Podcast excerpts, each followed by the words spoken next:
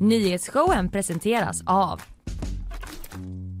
Färsking, fiberrik granola och flingor utan tillsatt socker. Kleli, kontaktlinser på apotek. Fello, Göteborgs alldeles egna mobiloperatör.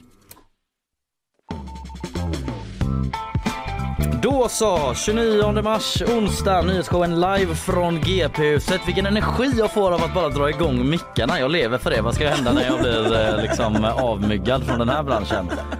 Dvala hela tiden. Ina Lundström. Ja det är jag. Du, eh, idag så ska jag ta oss igenom del två av Janne Andersson och Bojan George historien. Making amends kallar jag den. Åh, Om vad det hade varit trevligt. En film. Ja, det var ju presskonferens igår. PK.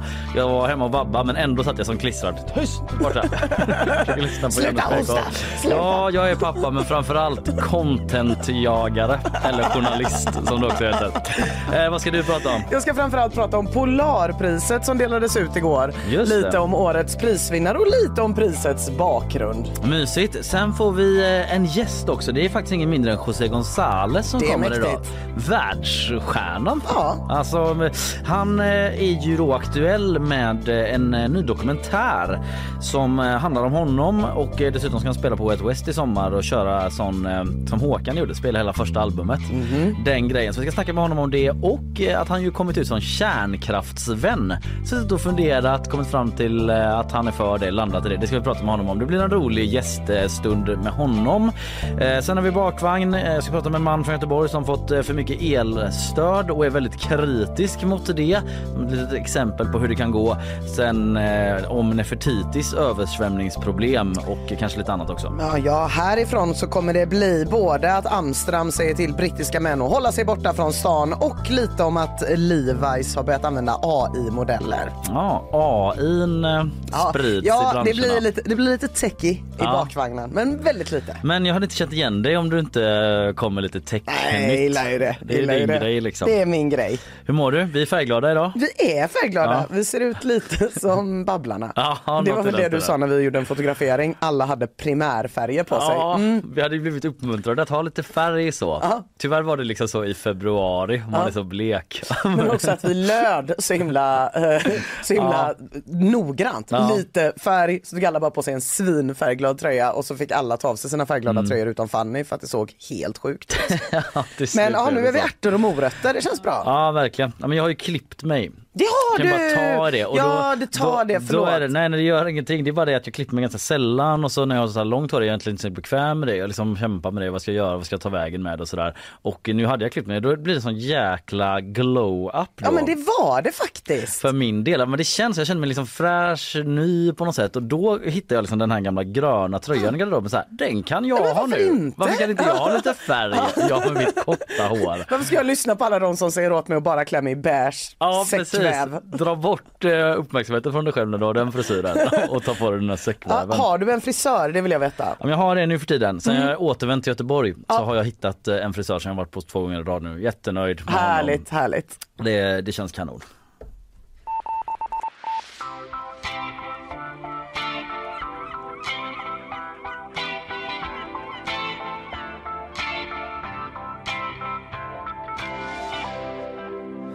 Ja, del två då i Janne Andersson Bojan Djordjic bråket Making Amends som jag kallar det. För att eh, det var ju så att igår så höll ju Jan Andersson en presskonferens då efter det här stora uppmärksammade bråket som eh, jag och många andra satt och gapade framför när man såg det. Jag såg det ju inte förrän på eh, igårdagen. Jag Nej. var inte uppe så sent och såg liksom eftersnacket efter landskampen. Så satt man där och gapade. Vad är det som pågår egentligen? Det är som någon sorts sån där. Vad är det de säger om bilolyckor? Att man bara inte kan Kan inte sluta titta. Nej, precis.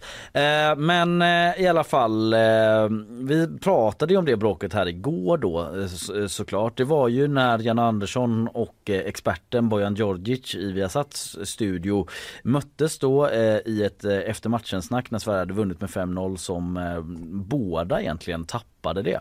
Eh, men Bojan Djordjic gjorde det först. Eh, och eh, det ledde då till en presskonferens eh, igår när eh, matchen var i förrgår och presskonferensen var igår då när Jan Andersson försökte förklara varför det blev som det blev, varför han tappade liksom och sådär. Och den ska vi komma till. Men vi får ta först en kort kort recap ändå. Hemskt gärna. Jag har bott under en sten under hela gårdagen så jag vill veta precis allt. Ja men jag tänker det bara så vi kommer i stämningen också även för er som hörde det igår. Men vi kan lyssna lite på hur det lät i studion efter matchen då när före detta fotbollsspelaren och experten Bojan Djordjic och landslagstränaren Jan Andersson rök ihop. Här är ett eh, litet utdrag. Ah, fy fan. Vi har vunnit med 5-0 så står du och gnäller. Jag gnäller inte, jag Jo, du frågar om. Jesper Karlsson. Ja, men det är en spelare som kan kommer in hjälpa dig på en mål, andra plats. Det är ju jätteroligt att kommer in och gör mål. Jo men det är det jag sa, glädjande. Jag vill bara veta, jag vill bara veta och hur det snabbt går ju. Det är så här när jag kommer hit till den här inte studion. Ja det viftas med armar och du står och gnäller och det är fy fan och det här var bara ett litet utdrag för att illustrera men det eskalerade ganska snabbt det här. Det var ju för att Bojan Djordjic eh, ställde en fråga till Jan Andersson då om en spelare, Jesper Karlsson, eh, som har varit väldigt bra och många tyckte att han borde få spela mer och han var så här, varför får han inte spela mer än vad han har gjort så här. En ganska rimlig fråga. Ja. Inget konstigt med det. Det Nej. är de flesta överens om efteråt, även Jan Andersson. som Ja, man kan ju inte bara säga så här, "Ah, ja nu vann ni med 5-0 så då blir det ingen eftersändning. Nej, grattis! Ska du ha ett fikon? nu typ? händer det Ja. inget mer. Nu har Nej. inget att diskutera eftersom att ni Nej, vann. Exakt, det är inte så riktigt så det funkar Nej, det bland eh, journalister och experter. Contentjagare. Contentjagare, precis. Eh, man vill ju ha något att prata om liksom. Och eh, sen ballar det vidare ur. Det eskalerar eh, mot en mycket större diskussion eh, på ett sätt kan man säga eh, eventuellt. Vi, vi lyssnar på det. Nej, förbundskapten måste du. Du har representerat 10 miljoner människor. Men vad är- och vad du har pappa någon du som är yngre Vad än dig. representerar du? Sverige såklart.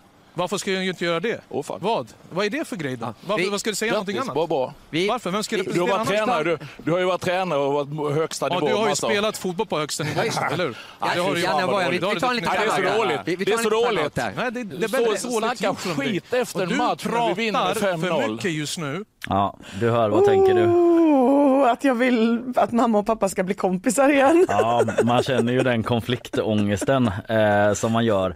Ja men dels det här liksom att så här, du pratar för mycket, du snackar skit och sådär men så blir det den här frågan om representation då. Vad representerar du? Och eh, det blev ju ganska centralt i eftersnacket. Eh, vi kan eh, lyssna lite på eh, Ja men så här, hur Bojan tolkar det för att han tolkar ju det, vi ska prata mer om det sen, men som att Janne Andersson på något sätt ifrågasätter hans eh, svenskhet. Däremot så Nej fel knapp, förlåt. Mm, ska vi se, där. Vem ska jag representera annars? Vilket annat land? Serbien, vill du säga det eller?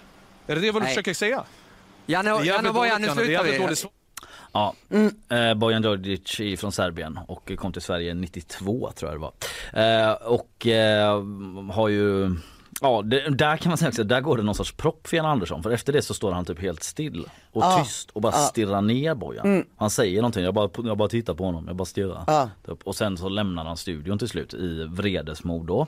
Och efter det så var det ju många frågor som hängde i luften. Det var ju en presskonferens eh, även där på kvällen men även efter den hängde många frågor i luften. Eh, Jan Andersson var själv eh, nog i behov av lite så tid och perspektiv och liksom fatta vad som har hänt. Eh, han betedde sig ju ganska out of character ändå Ja, får man säga. out of character för de flesta människor. För han, det, han, det bränner, går från 0 till 100 ganska snabbt där. Han får en fråga om det av eh, journalisten Olof Lund. Vi kan lyssna på det men framförallt svaret. När jag kom dit jag är jätteglad och så, och så Men vänta lite nu, nu får jag be om ursäkt. Det gick lite snabbt här inne. Jag vill ändå få med det. Eh, och eh, se här. Eh, där tar vi den. Det tycker jag. Ja, man vill ändå höra den. Eh, vi tar den. Varför kommer den inte med nu då? Förlåt att jag strular till det. Här kommer det. Det är ju ovanligt att du lämnar en eh, studio mitt i. Ja, jag blev- jag jävla dåligt. Helt rätt. Jag blir jätteirriterad och i efterhand så kanske när jag tittar på det tänker jag fan, jag överreagerar. Det är möjligt, men jag har inte sett den. Nej precis, det är som att han vill ha lite VAR-situation på den. han, han vill se det en gång till eh, och sen fatta beslut då. Eh, Och eventuellt uttala sig. Exakt, efter konferering i varummet. Nej men han behövde väl eh, lite tid för reflektion och, och se vad fan det var som hände egentligen. Eh, för det var väl den frågan alla ställde sig. Vad fan var det som hände Ja. egentligen?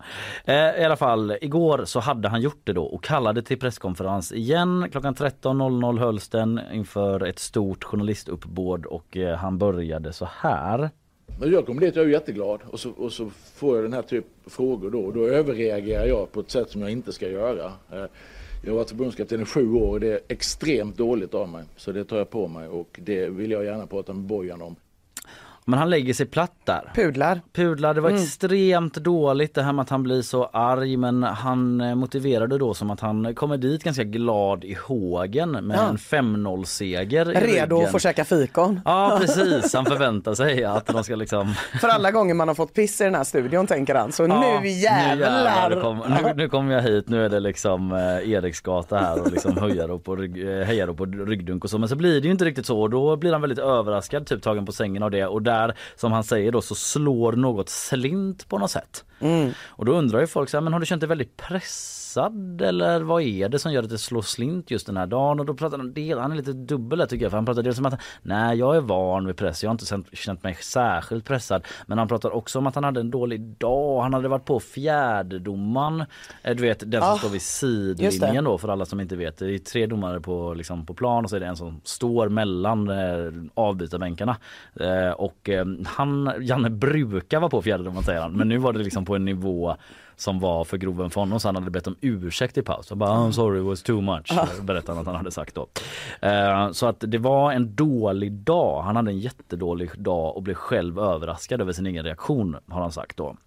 Dock så ville han göra tydligt angående det här med representationen och vem representerar du? Den, hela den grejen eh, så ville han vara tydlig vad eh, han menade där. Vi lyssnar. Däremot så vill jag bara förklara och förtydliga för honom och för alla andra att jag självklart inte när jag frågar vem han representerar så, så menar jag är han spelare eller ledare eller expert eller vad är han för någonting i det här. Därför att det är väldigt enkelt att, att tycka och tänka om det vi gör och det har alla sin fulla rätt att göra såklart. Men det var den frågan jag menade så att det är absolut ingenting annat. Ja precis, inget med etnicitet att göra Nej. då eller så utan eh, han menar att eh, ja det han sa där I vilken enkelt. roll är du här med? Så att Den här kritiken som du kommer med, vem representerar du typ? Mer som så här, är det en rimlig, alltså vem, vem representerar du som har den här kritiken? För han verkar inte tycka att det är så här rimlig kritik Alla andra är glada läget. för 5-0. Ja. Varför är du? Ja. Så eh, tolkar jag Janne då, eh, men han som han sa tidigare där hade försökt nå Bojan då också under förmiddagen Ja. igår men inte fått svar. Han hade skickat sms och ringt så men inte fått något svar där ännu.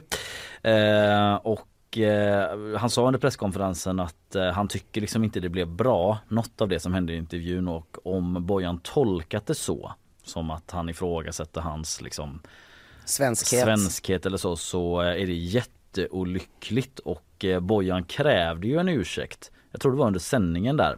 Eh, och Janne sa, eh, på, på tal om det då, liksom att så här, alla som känner mig vet att jag hatar all form av rasism och jag ber väldigt mycket om ursäkt om han tolkat det så, men sån är inte jag.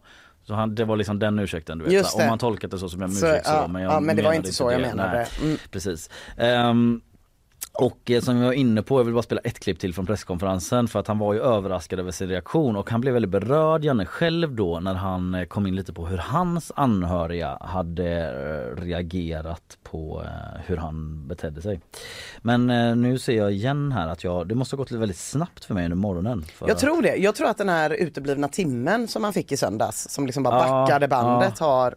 Det har hänt någonting med min hjärna Ja. men eh, flink som jag är så lägger jag in i ljudet och spelar det nu. Jag är lite överraskad. Pratar med min eh,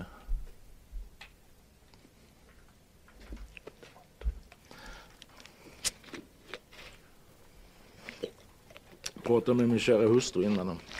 Hon var jätteförvånad. Så det verkar tagit. Vad känner du? Det gör jätteont i mig. Mm, han tar ju en eh, klunk av sin vattenflaska Ja, där och öppnar den för att samla sig Mm. lite grann.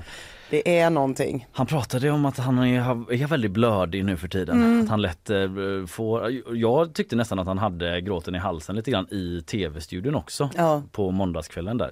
I alla fall eh, berörd var han eh, och sen under eftermiddagen då så gick Bojan Djordjic till slut ut och sa någonting om detta igen då. Han pratade om det i studion också då men i ett pressmeddelande från Viaplay. Och då sa han att han kan förlåta men inte glömma. Det hände ju för två dagar sedan. Mm, just Så- det. rimligt. Än, än så länge så glömmer man inte det i första taget då. Men han säger eh, om eh, man inte förstår vikten av det som skedde i vår sändning är det ett inneboende strukturellt problem. Och så fortsätter han. Även om Janne säger att det inte var hans intention uppfattade jag att det blev en fråga om mitt ursprung och det gjorde mig sårad och besviken på min förbundskapten. Så de verkar ju ligga en bit ifrån varandra där. Ja. Janne säger att det var inte det han menade. Okej, eh, även om man säger det så uppfattade jag det så och det är ändå ett strukturellt problem med rasism som finns typ. Mm. Eh, kan man väl sammanfatta det så. Eh, och eh, vi får väl eh, helt enkelt se om eh, de når varandra för att tala ut. Om man får reda på någonting om det mötet. Jag menar Viasat ska ju fortsätta sända de här matcherna för Ja. landslaget. Och hade det här inte skett så hade de ju setts där igen. Ja, Typ nästa gång det är match. precis. Men nu vet vi inte Nu riktigt. vet vi inte. Man Nej. får väl eh, anta att de löser det på något sätt. Det blir så himla konstigt. Jag- Ingen kommer, det känns ju konstigt att någon skulle få sluta på grund av det här. Eller ifall det är att Bojan måste lämna studion Nej, men det går ju kommer. inte. Eller ska Janne inte komma? Nej, nej men jag tror, vet du vad, jag tror att de löser det. Jag, Ja. jag känner mig lite stolt faktiskt nu.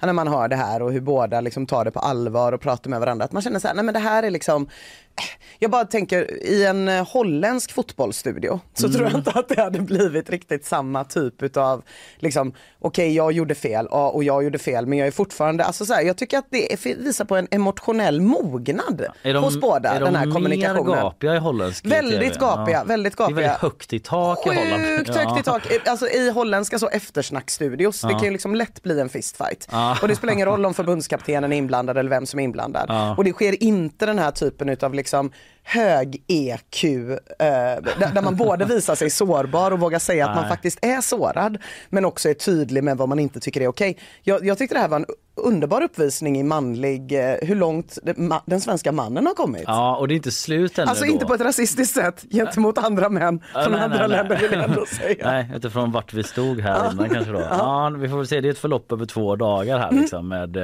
Ja det kan ju gå åt helvete. Ja, det kan det verkligen göra. Vi får se, vi får följa detta.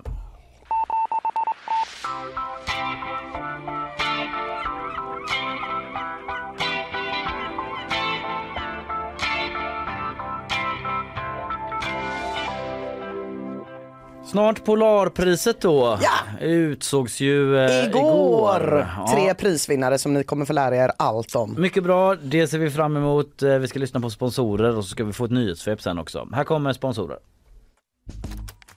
Nyhetsshowen presenteras av Färsking, fiberrik granola och flingor utan tillsatt socker. Kleli, kontaktlinser på apotek. Fello, Göteborgs alldeles egna mobiloperatör. Vad händer mer i världen egentligen då förutom massa bråk mellan fotbollsmänniskor? Det undrar kanske du som sitter och lyssnar och då kan jag tala om för dig att vi har fått in en som har koll på det. Det är Isabella Persson Ja, som eh, ska ge oss ett nyhetssvep. eh, Men... eh, ska vi köra direkt? Ah, vi gör det, vi Ja. gör det. Jag tänkte fråga en grej men vi tar det sen. Det är mycket riktigt Isabella, det är så, det blir bäst så. Vi kör. Nya protester har återigen brutit ut i Frankrike. AFP rapporterar att över 200 personer gripits i natt och våldsamheter ska ha brutit ut mellan polis och demonstranter. Sveriges Radio rapporterar att ungefär 750 000 personer varit ute på gatorna vilket då är mindre än den miljon som noterades i torsdags. Och enligt SRs korrespondent så ska läget på platsen ändå vara lugnare än man befarat. Flera personer har dött efter branden i ett migrantläger på gränsen mellan Mexiko och USA. Branden bröt ut sent i måndags kväll lokal tid och ska enligt mexikanska presidenten López Obrador startats av att migranter tänt på madrasser i en protest. Men övervakningsfilmer ska också visa hur vakter bara lämnar lokalen när elden bryter ut utan att göra några försök att släppa ut migranterna. FNs generalsekreterare Antonio Guterres har efterlyst en grundlig utredning av branden och händelsen har också fördömts av Amnesty International. Tre barn och tre vuxna sköts i måndags kväll ihjäl i skolskjutningen i Nashville i USA. Men enligt nya uppgifter ska den 28-åriga skytten bara minuter innan dådet larmat till en vän.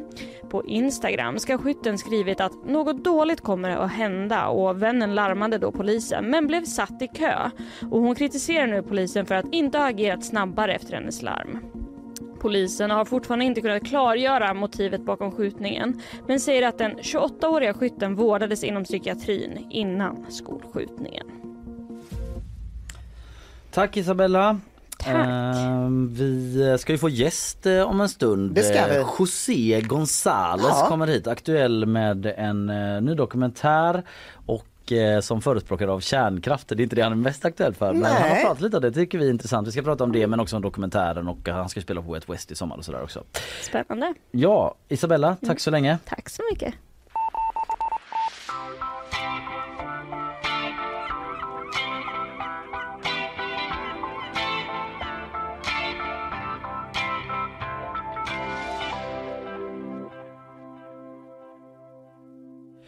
Ja, igår då utropades ju årets Polarprisvinnare. Ja. Och den här gången så går priset till tre personer faktiskt. Mm. Det är sångerskan och låtskriverskan Angelique Kidjo. Body, body, är det. Ah. Skivbolagsgrundaren och hotellägaren Chris Blackwell samt tonsättaren och allmänt estniska mysgubben Arvo Pärt. Jag ska vara helt ärlig med att han är den enda jag kände till innan. Oh! Mm. Men det är bara för min svärmor och hennes man brukar eh, lyssna Det är- honom ibland i bakgrunden. Det är trevligt. Ja. Det är trevlig musik är det.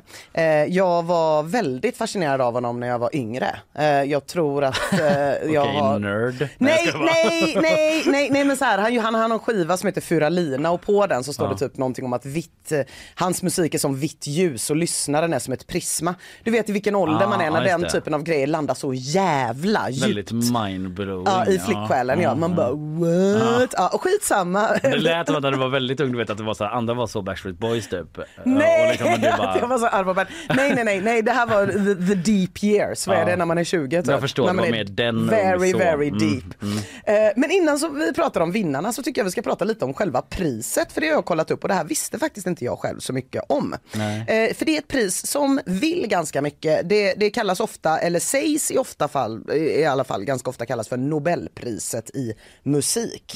Det har också kallats ett av de mest prestigefyllda och unika musikpriserna i världen. Det är i och för sig Polarpriset själva som säger det. jag uppfattade ändå lite så. Alltså Ja. jag vet inte varför om det stämmer men min bild av Polarpriset som jag inte funderar på så ofta just Polarpriset är ändå att det är ganska stort. Ja, och jag, alltså, internationellt så tror jag ändå att det har fått en del draghjälp av Nobelpriset. Att man är lite så, det delas ut i Sverige, so it's the Nobel Prize of Music. Eh, det. det skulle jag tro, jag kan inte säga att det är exakt så. Men priset har faktiskt också kallats för ointressant och bakåtsträvande, anonymt och gubbigt. Till ja. exempel av Jan Andersson här på GP för några år sedan. Okej. Som skrev så här, en mer andefattig och poänglös gest än att låta kungen dela ut miljon, miljontals kronor till snorrika världsstjärnor som Sting, Paul Simon och Elton John. Det är svårt att tänka sig. Ja, Fair enough. Shots fired. Ja det är en åsikt man kan ha. Det är klart att det hade låtit lite mindre gubbigt ändå om man hade räknat upp några andra pristagare, till exempel Joni Mitchell, Patti Smith och Emmylou Harris som också har fått priset. Men man får ändå säga att oavsett om man kollar på de kvinnliga eller de manliga pristagarna så känns det som att man är lite i samma skivback och rotar. Det är en skivback som kanske tillhör en man född på 40-talet. Ja, det fanns Ah, lite... Joni Mitchell, Ja. Emmylou, Sting, Paul Simon. Eh, och man kanske får gräva lite extra ändå får man säga för att dra fram de där kvinnonamnen. För i sammanlagt så har eh, Typ, eh, ja, lite förenklad räkning nu för det är vissa stora grupper som har fått det med så här jättemånga medlemmar. 40 Ja, medlemmar. Men annars är det då 14 kvinnor som har fått priset och 46 män. Och då är det en ganska snäll räkning för då har jag räknat Metallica och Pink Floyd och Kronos Quartet och Led Zeppelin allihopa Ja, som just det. var sin man. Men inte I'm from Barcelona alls då. Nej, nej, de har nej, inte vunnit precis. Inte- grupper. Om de liksom. hade vunnit så hade inte I'm from Barcelona fått vara med Nej. alls. Eh, Men om man då är kvinnlig musiker och tycker att det här verkar lite bärst och lite svårt att få det här priset, då kan man i alla fall glädja sig med att det bara är tre länder som har fått priset. Så att eh, man har större chans att få Polarpriset om man heter Madonna än om man är typ Belgien. Eh, det som är lite udda kanske är att det en gång är tre länder som har vunnit priset. Det var då Estland, Lettland och Litauen som vann som länder det allra första året. Det var samma år som Paul McCartney vann. Eh, jag vet faktiskt inte riktigt varför men jag har förstått att det bidrog till att de kunde dra igång en STIM-grej där i baltstaterna. Nåja, eh, man får ändå säga att med den här representationsfrågan så är Polarpriset i ganska gott sällskap med Nobelpriset. Eh, I en tweet här om året så uppmärksammade FNs kvinnoorgan UN Woman att färre än 60 kvinnor hade fått Nobelpriset sen det instiftades då 1895 eh, med runt eh, tusen män kan man jämföra det. Det är eh, eh, stor skillnad men det är aldrig något land som har fått Nobelpriset. Så att där är ändå Polarpriset lite mer Ja men för det var liksom he- alltså landet Ja. Estland fick pris, inte La- en nej, est. nej, länderna Estland, Lettland och Aha. Litauen. Och Arvo Pärt är ju från Estland. Ja, Så han har ju fått priset två gånger kan man säga. Ja. Men det hade Eh, varit konstigt också att ge Nobelpriset i ekonomi, eller liksom, eh, Ekonomi till Estland. Ja, eller ett land. Good for så. you. Ja, vilken bra BNP ni har i år. Varsågod. Ja, nej men precis. Eh, Men, men åh, du, tillbaka till Nobel, Nobel, eh, Polarpriset Mm, då. För att det instiftades 1989 av Stickan Andersson. Mm. Det visste inte jag. Eh, Stickan Andersson är ju de flest, för de flesta av oss mest känd från textraden ur eh, Doing the omoralisk schlagerfestival med Ulf Dageby. När han sjunger Stickan Andersson, han tycker folk är dum, producerar romantik. När kärleken är stark så Stickan får en spark som passar ett cyniskt svin. Jag bryter där även om jag gärna hade fortsatt okej, hela dagen. Ja, men ja, absolut. Ja, absolut. Eh, ja, det var bra att du bröt för det hade aldrig tagit slut Ja, men jag annars. kände det. Jag fick uppbåda all min viljestyrka för att bryta där. Men eh, det var ju inte eh, en tillfällighet att det var just Stickan som valdes eh, som att omsjungas i Doing the omoralisk schlagerfestival. För han har ju skrivit mer än 3000 låttexter sägs det. Det är många. Och varav de all- allra flesta handlade om, ja, men enligt Stickan själv så sa han att de flesta av hans låtar handlade inte om citat ensamma mammor och krig och sånt. Nej, Och det får man ju ge honom. Han har ju skrivit texten till Är du kär i mig ännu Klas-Göran? Texten till Du borde köpa dig en tyrolerhatt. Och texten till Sånt är livet. Sätt på Sånt är livet lite. Sånt är jättekort bara. Sånt är livet. Jajamän. Jävligt bra svensk Ja, text det det är ju soligt och ljust ändå. Det är det, det är det. Ja, Stickan skrev alltså i första hand musik för folk, inte för folket. Nej. Och det hatades han ju för av den alternativa musikrörelsen som var stor på 70-talet. Nationalteatern till exempel. Till Ja. exempel Nationalteatern. Men allra mest hatade de ju honom för att han var textförfattare och manager åt ABBA. Ah. Eller så var det det att de hatade honom allra, allra mest för att han var liksom ett utomäktenskapligt barn som växte upp under knappa förhållanden i lilla Hova i Västergötland och var lite mer intresserad av klassresa än av klasskamp som en del av akademikerna var, akademikerbarnen i den alternativa musikrörelsen. ABBA spelade faktiskt in en låt till Stickan på hans 50-årsdag som Hovas vittne då istället för Jehovas vittne. Vi kan lyssna på ett litet utdrag ur den.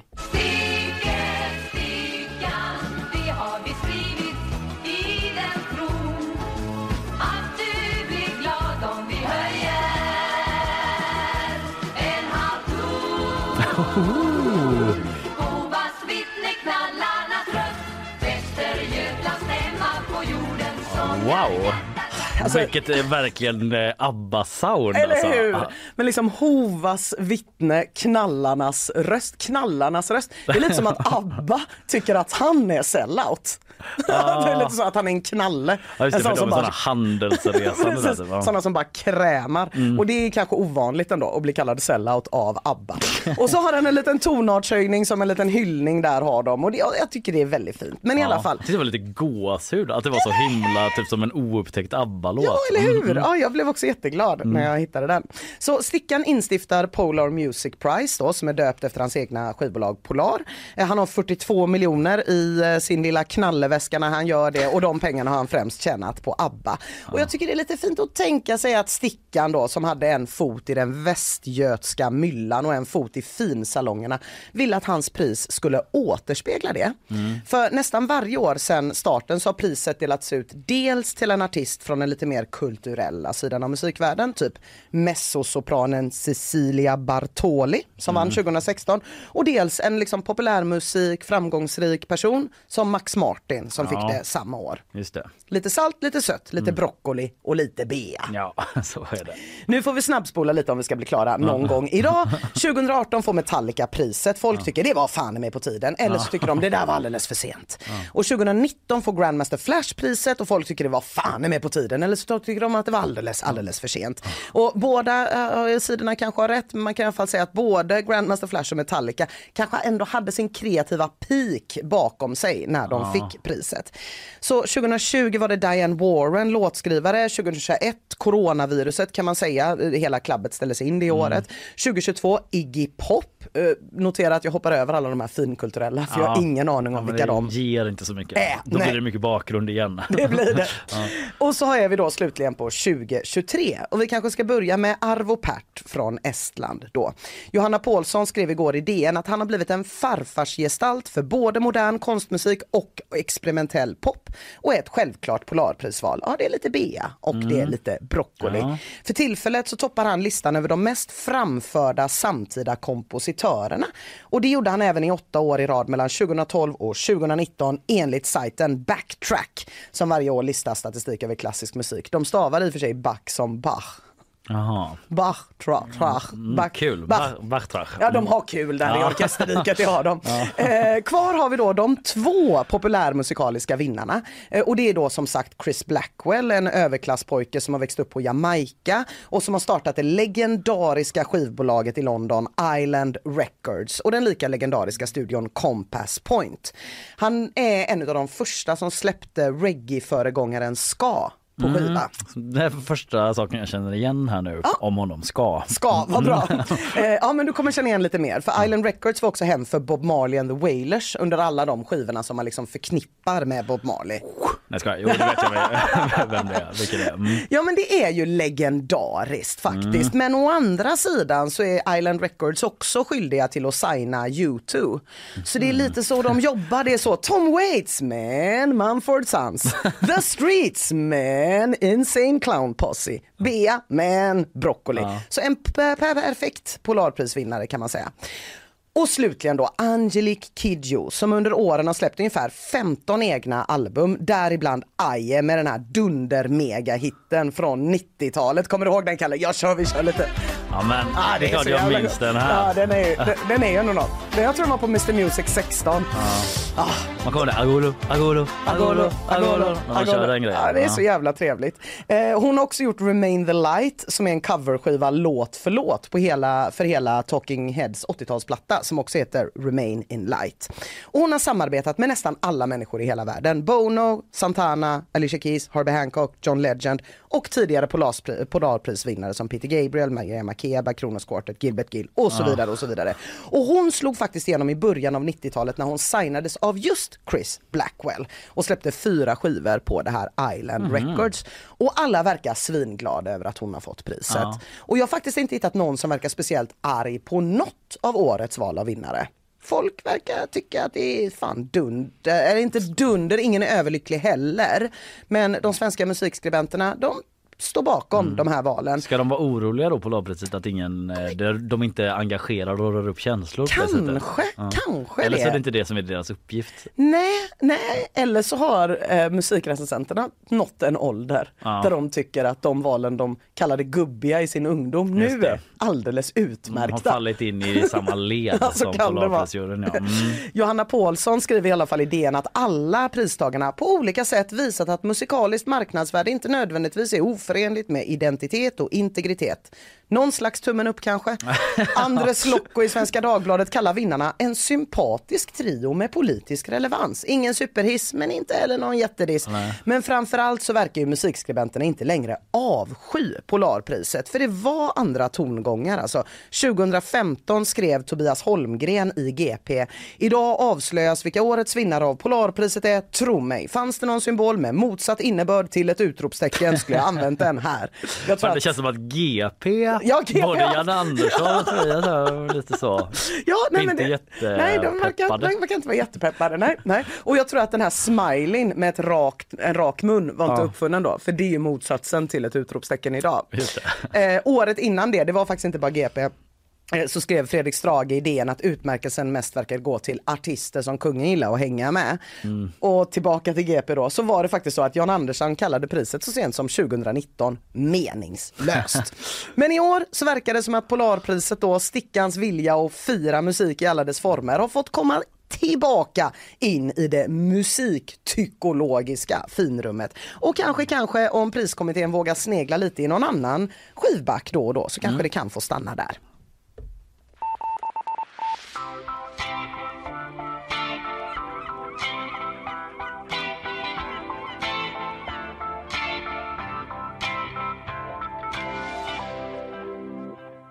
På tal om musik, det blir gäst här om en liten stund. Eh, José González. Härliga tider. Ingen mindre än José González kommer aktuell med en ny dokumentär om honom själv som har gjorts av eh, gänget bakom Triangle of Sadness. Oh. Fast inte Ruben Östlund men det bolaget då. Mm. Sen ska han spela på ett West i sommar och vi ska prata lite kärnkraft också. Han har funderat en del på det faktiskt.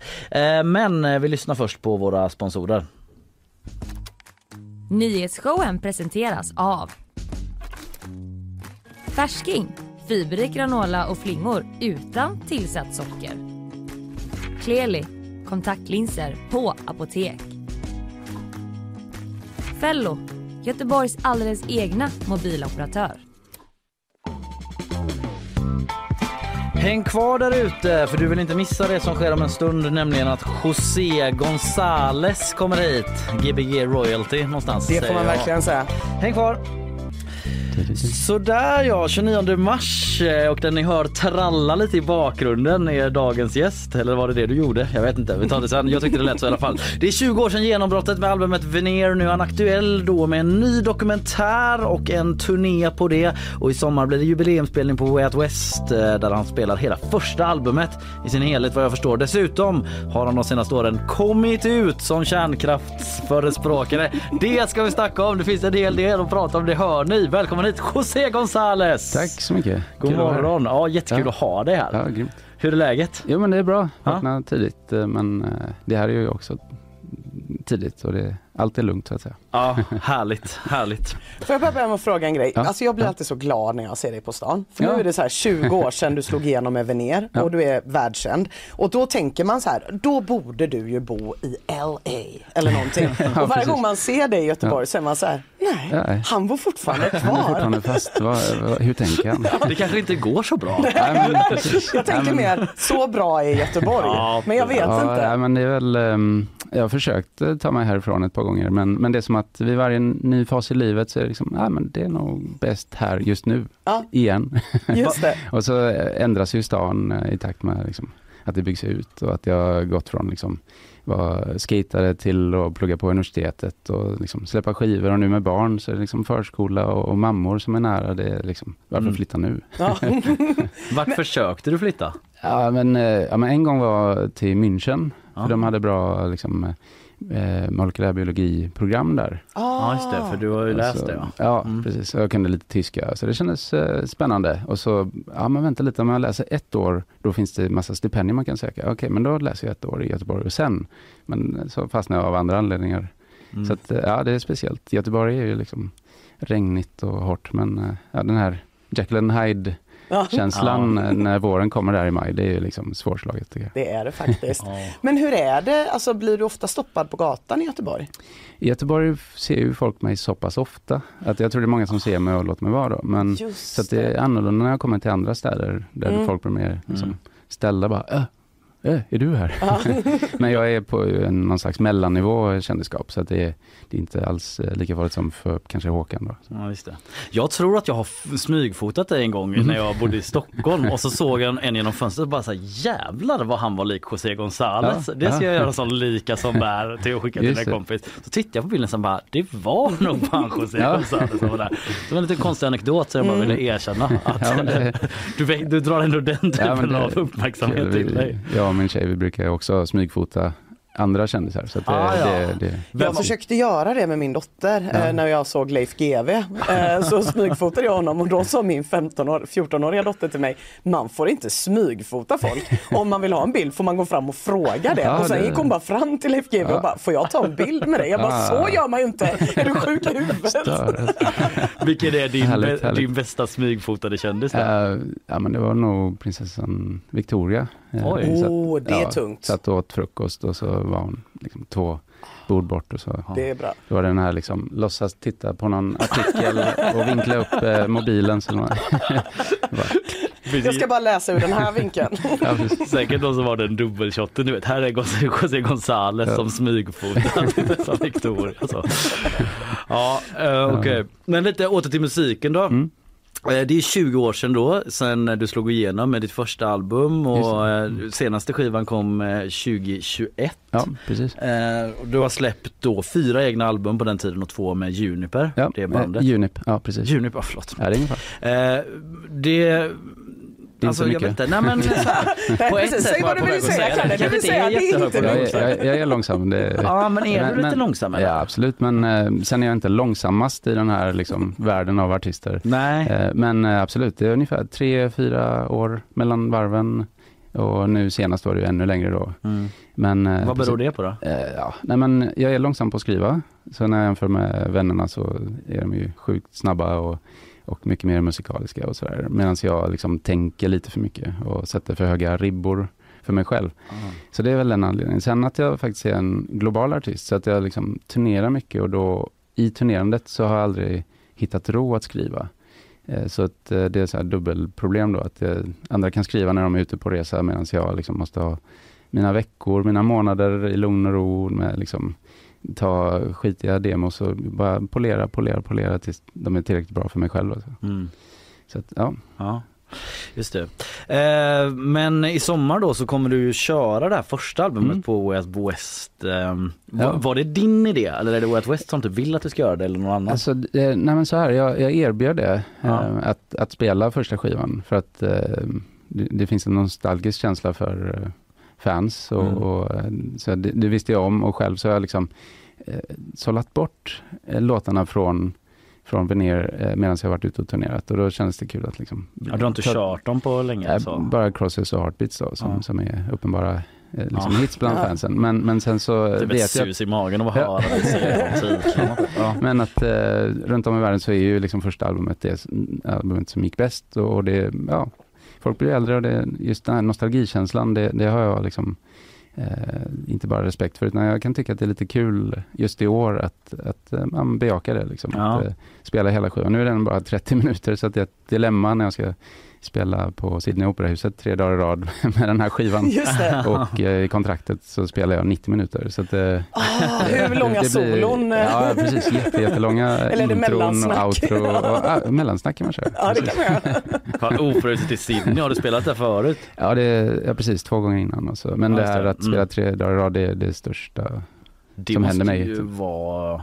Jag har bara sett det utvändigt så, men det måste Ja. vara jäkligt coolt. Ja, men det är coolt eh, och det känns stort. Eh, Sen så är ju, eh, de har ju öppnat upp för all möjlig slags musik Mm. där, så de kör ju klubbar och allt möjligt. Så det, det är liksom, det är svincoolt, men det, de bjuder in alla möjliga där. Vilken är den bästa akustiken du spelat i egentligen? Ja, det, men det, vi har ett skämt för att, jag menar, Operahuset är ju grymt. Ja. Men det är ju liksom, det studsar ju mycket. Vi Ja. gillar egentligen när det är mer dämpat för att få den här kraften i gitarren. Ehm, och det fanns ett spelställe i, jag tror det var Dortmund, Ja. med, som massa ingenjörer hade byggt och det, de sa själva att det här är världens bästa akustik. Så- Tyska så- så- ja. ingenjörer dessutom. Ja, precis. Och de, eh, vägg, eh, väggarna var typ en meter tjock. Alltså eh, dörren för att komma in från backstage var typ en meter tjock. Shit. Det var eh, liksom, eh, och i mellansnacket så sa jag, ja det är jättekul att vara här. Jag bara, varit eh, roligare om akustiken var bättre. och, det hördes, och det var liksom inte, folk förväntar sig ingen humor och Nej. eh, vi brukar skäm, skämta om att eh, tyskar inte förstår ironi. Det var, bara hördes ett sus bara. Ingen skrattade. Ingen garv, Nej, nej, liksom. nej, de blev arga. De blev Varför då? arga. Det är jättebra. De De faktiskt lite arga. arga. Ja, Ah, vi- körde Snoop Dogg. Ja, vi är körde-. Det här är tysk Just, just i den eh, perioden i min turné så körde vi Snoop Dogg som, av, som låt efter sista Ja, liksom, alltså som hans låt, avslutning. inte att när du jag liksom, gav sig igen och så Sexual Seduction var det. Mm. Eller Det var inte att du Sensual körde den, Seduction. eh, Nej, nej, nej, men, men ljudteknikern Förlåt. spelade den och eh, det var några som tyskar som blev otroligt arga. De, ni har förstört allting. Det var, ja, de hade liksom känt så mycket känslor under spelning och så. Men Just tyckte det. de att den Snoop Dogg liksom vanhelgade Ja, men det var liksom akustiken, Snoop typ? Dogg, ganska hög volym, Ja. med lite discolampor. Det, var liksom, det, det blev en clash, precis, eh, clash från ja. akustiska... Fan Ja, vad roligt. Ja. Men du är också aktu- aktuell då med den här eh, nya dokumentären då som är producerad av Ruben Östlunds bolag Mm. Ja. Plattform. Men Mikael C Karlsson Ja, är det som har gjort filmen. Eh, Men eh, ja, vad är det för sida man får se av dig i den då? Ja, men det, det är en dokumentär som bygger på senaste skivan, Local Valley, men också på mig som person och, och min mentala ohälsa som jag tampats med under perioder. Eh, men sen så är det gjort på ett väldigt poetiskt sätt och det, det tar liksom avstamp i min, eh, min vad ska man säga, problemen jag hade att se världen som den var och hur eh, mina intressen kring världsbild och religioner och eh, alternativa fakta och sånt där. Så Mm. det, det är en, eh, ja, en spännande liksom, resa för mig att, att spela in eh, filmer här och, och det har blivit väldigt väl mottaget nu när vi Ja. hade premiär i Köpenhamn. Då. Men du sa, eh, det liksom, vad, vad var det du sa, med att se världen som den var? Vill du Ja, utveckla det lite? Vad Ja, absolut, Var, så, så jag, eh, jag kommer ju öppna mig som kärnkraftsvän men jag har Ja, också ja. redan innan i Sverige öppnat mig som någon som har haft problem med psykisk ohälsa Mm. och hade psykos då för, ja faktiskt eh, lite mer än 20 år sedan första gången och se, sen har det varit 10 år sedan sist så att då kände jag att det känns lagom att, att liksom öppna upp mig ännu mer då med den här filmen och då blir det till omvärlden för att eh, det är som att eh, svenska artiklar de når inte så mycket utomlands så att det är inte så många som vet om det bland mina när jag blir intervjuad i olika sammanhang att, att jag har haft eh, psykos och så. Mm. Var, varför känns det viktigt att berätta mer om det och vad är det du vill förmedla till de som ser det? Ehm, ja, viktigt och viktigt. Ehm, det, är, det är en ganska, vad ska man säga, central del i, i vem jag har varit. Ehm, eh, och det är kanske intressant för folk som har min musik som Mm. eh, något, något de tycker är spännande. Då, då blir det ett, ett till lager liksom. Mm. Eh, sen viktigt, det kanske finns vikt mot samhället, liksom, mot andra som har haft problem. Att man öppnar upp sig och ja, visar att det är vanligt och sådär. Mm. Eh, och, ehm, men, men sen viktigt för mig vet jag inte riktigt om det. Det, det, det, det är ju absolut terapeutiskt. Ja. Men, men då kan man ju gå till en terapeut. Och om det hade varit främsta målet så hade jag gjort det. Jag vet inte om det är en okänslig fråga men du sa att det var tio år sedan sist. Mm. Är det någonting som du går och oroar dig för att det ska hända igen? Nej, alltså det är en del av, av filmen där hur min eh, liksom, ambition var att, ja men aldrig mer. Mm. Vad, vad menas det med aldrig mer? Och då, då är det liksom, ja läsa på. Vad, hur, hur uppkommer det här? Hur kan man få eh, resiliens eh, kring, kring hjärnan och hur den funkar? Resiliens? Och, eh, resiliens, att eh, tåla, tåla stryk. Ja, ja. Ah, okej. Så att eh, Mm. till exempel eh, supa mycket, dålig natt, eh, sju dagar i rad. Är det bra för hjärnan eller är det dåligt? Hur mottaglig blir den? Ja. Ja, nej men så, så, så sätt så, så har jag hittat liksom, eh, en livsstil som, som funkar bra. Mm. Och eh, den, den, jag märker att eh, det är inte bara så att jag inte haft problem på tio år, utan, utan att jag känner mig klarare Mm. liksom, för varje år som går. Var det någon sorts hård livsstil som utlöste det förra gången eller? Eh, Ja, det kan man säga. Det är ju just det här eh, ständiga resandet och eh, inte vara noggrann med, med sömn och liksom återhämtning och sånt där. Mm. Så, så absolut, men det är ju långt ifrån liksom, de som eh, artisterna som, som dog vid 27. Liksom. Ja, ja. Men ändå det är typ så här sömn och att du tänker över hur du dricker. Och... Ja, precis. Det är ma mat, sömn, eh, rörelse, både liksom träna hårt och liksom bara röra sig och få dagsljus. Mm. Ehm, ja, men bara vara i, i, eh, i, eh, i synk med våra biologiska system. Liksom. Och det, det är liksom inte bara en kropp utan att det, är- eh, det är bara en kropp menar men att det är många organ som i sig ska funka. Mm. Eh, och de ska synkas och då, då är det liksom att ja, men få dagsljus innan tolv och Mm. inte dricka massa kaffe efter tolv och Ja. sådana grejer. Ja, Jag såg bara trailern, jag har inte sett hela filmen då utan jag såg trailern Mm. som ju är ganska, den är ju väldigt obehaglig för att den, den mynnade ut i slutet i någon sorts kaotisk feberdrömsliknande situation. Ja precis, utan att säga för mycket så trailern visar ju en, en tiger där och Ja. titeln är Tiger in Paradise. Så det, vi spelar ju lite på det här med utopier och en av låtarna på sista skivan heter Visions. Där Mm. jag pratar om just framtidsvisioner och eh, behovet av visioner.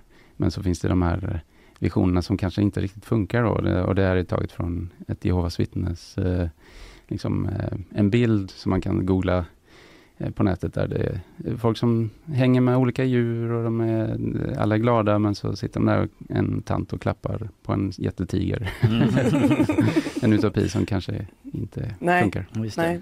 Ja, men vi återkommer väl till lite framtidstänk då apropå Mm. så här kärnkraft och där. Men Ja. annars i den här dokumentären så eh, det, det börjar ju med eh, där du eh, talar i trailern och liksom du pratar om det här Ungefär så här, tänk om jag har hamnat fel. Jag kanske borde blivit forskare. Mm. Du var ju, studerade ju mikrobiologi. Ja, eh, molekylärbiologi. Molekylärbiologi, förlåt.